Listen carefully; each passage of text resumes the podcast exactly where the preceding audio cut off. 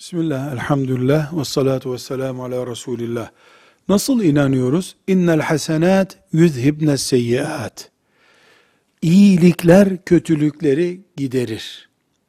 Yani bir Müslüman bir günah işledi, e, sonra da öğle namazı ezanı okununca gitti namazını kıldı.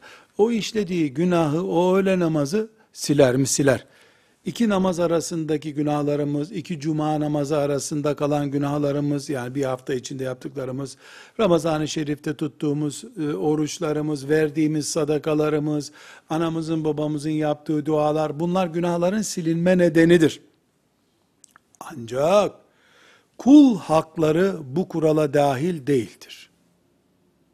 Hiç kimse çok namaz kıldığı için kul hakkından kurtulmaz.